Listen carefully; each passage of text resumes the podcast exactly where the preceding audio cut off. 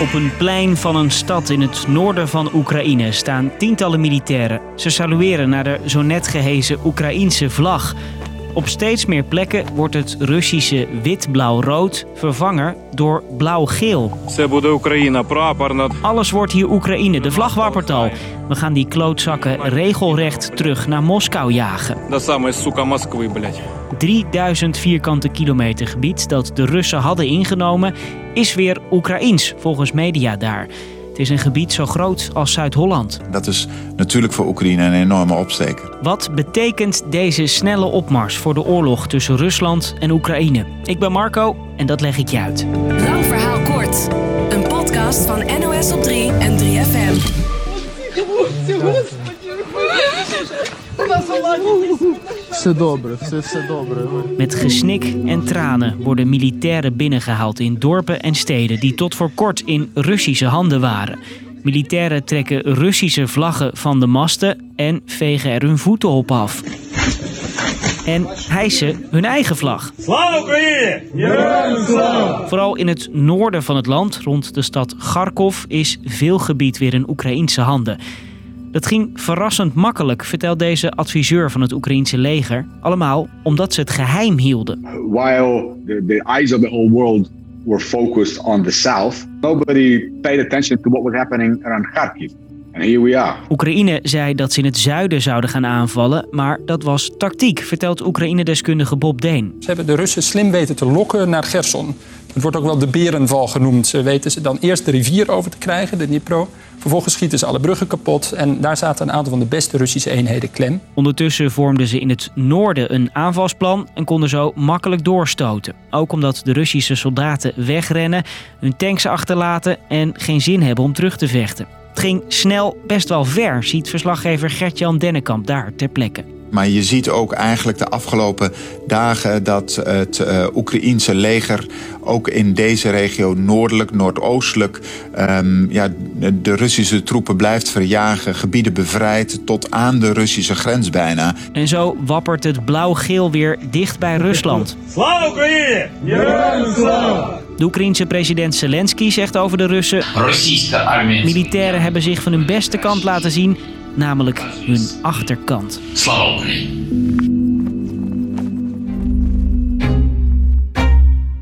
En opvallend, Rusland geeft toe gebied af te moeten staan.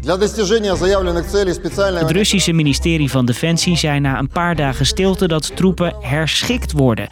Ze vertrekken uit gebieden waar de Oekraïners de macht weer hebben gepakt om ergens anders versterking te geven. Beetje alsof het dus part of the plan is. Wat ook part of the plan lijkt, het opzettelijk schieten op energiecentrales.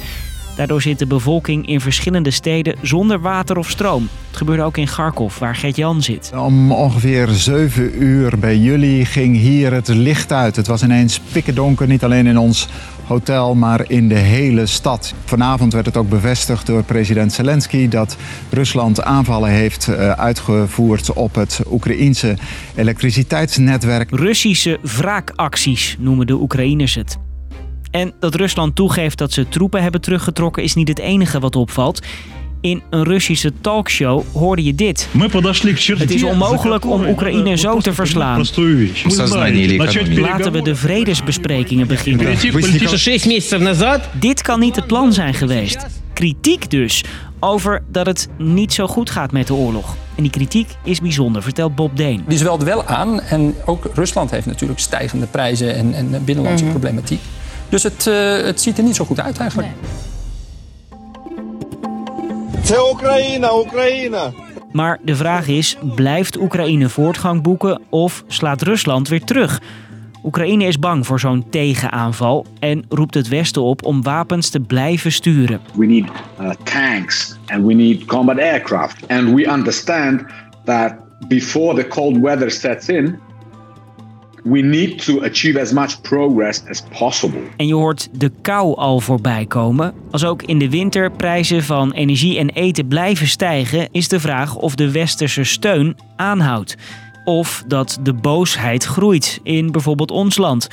En dat is wel spannend volgens de Oekraïne-expert Bob Deen. Ja, dat is wel zeker iets om ons zorgen over te maken. Dat was ook een onderdeel van de Russische strategie. Uh, ik vermoed dat deze succesvolle Oekraïnse operatie dat plan moeilijker maakt voor hem om uit te voeren. Want Mensen zien nu dat het zin heeft om Oekraïne te steunen. Ze zien ook dat er enige hoop is dat Oekraïne terrein kan, uh, kan terugwinnen. Maar het kan nog alle kanten op gaan. Dat weten ze ook in Oekraïne. They will either surrender or flee, and, and this will be over.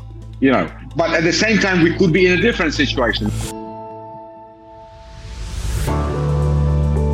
Dus lang verhaal kort. Oekraïne heeft duizenden vierkante kilometers land teruggepakt van Rusland. Door geheim te houden waar ze toe zouden slaan en de zwakte van het Russische leger lukt het om snel ver door te stoten. En dat geeft hoop. In Rusland zwelt de kritiek aan.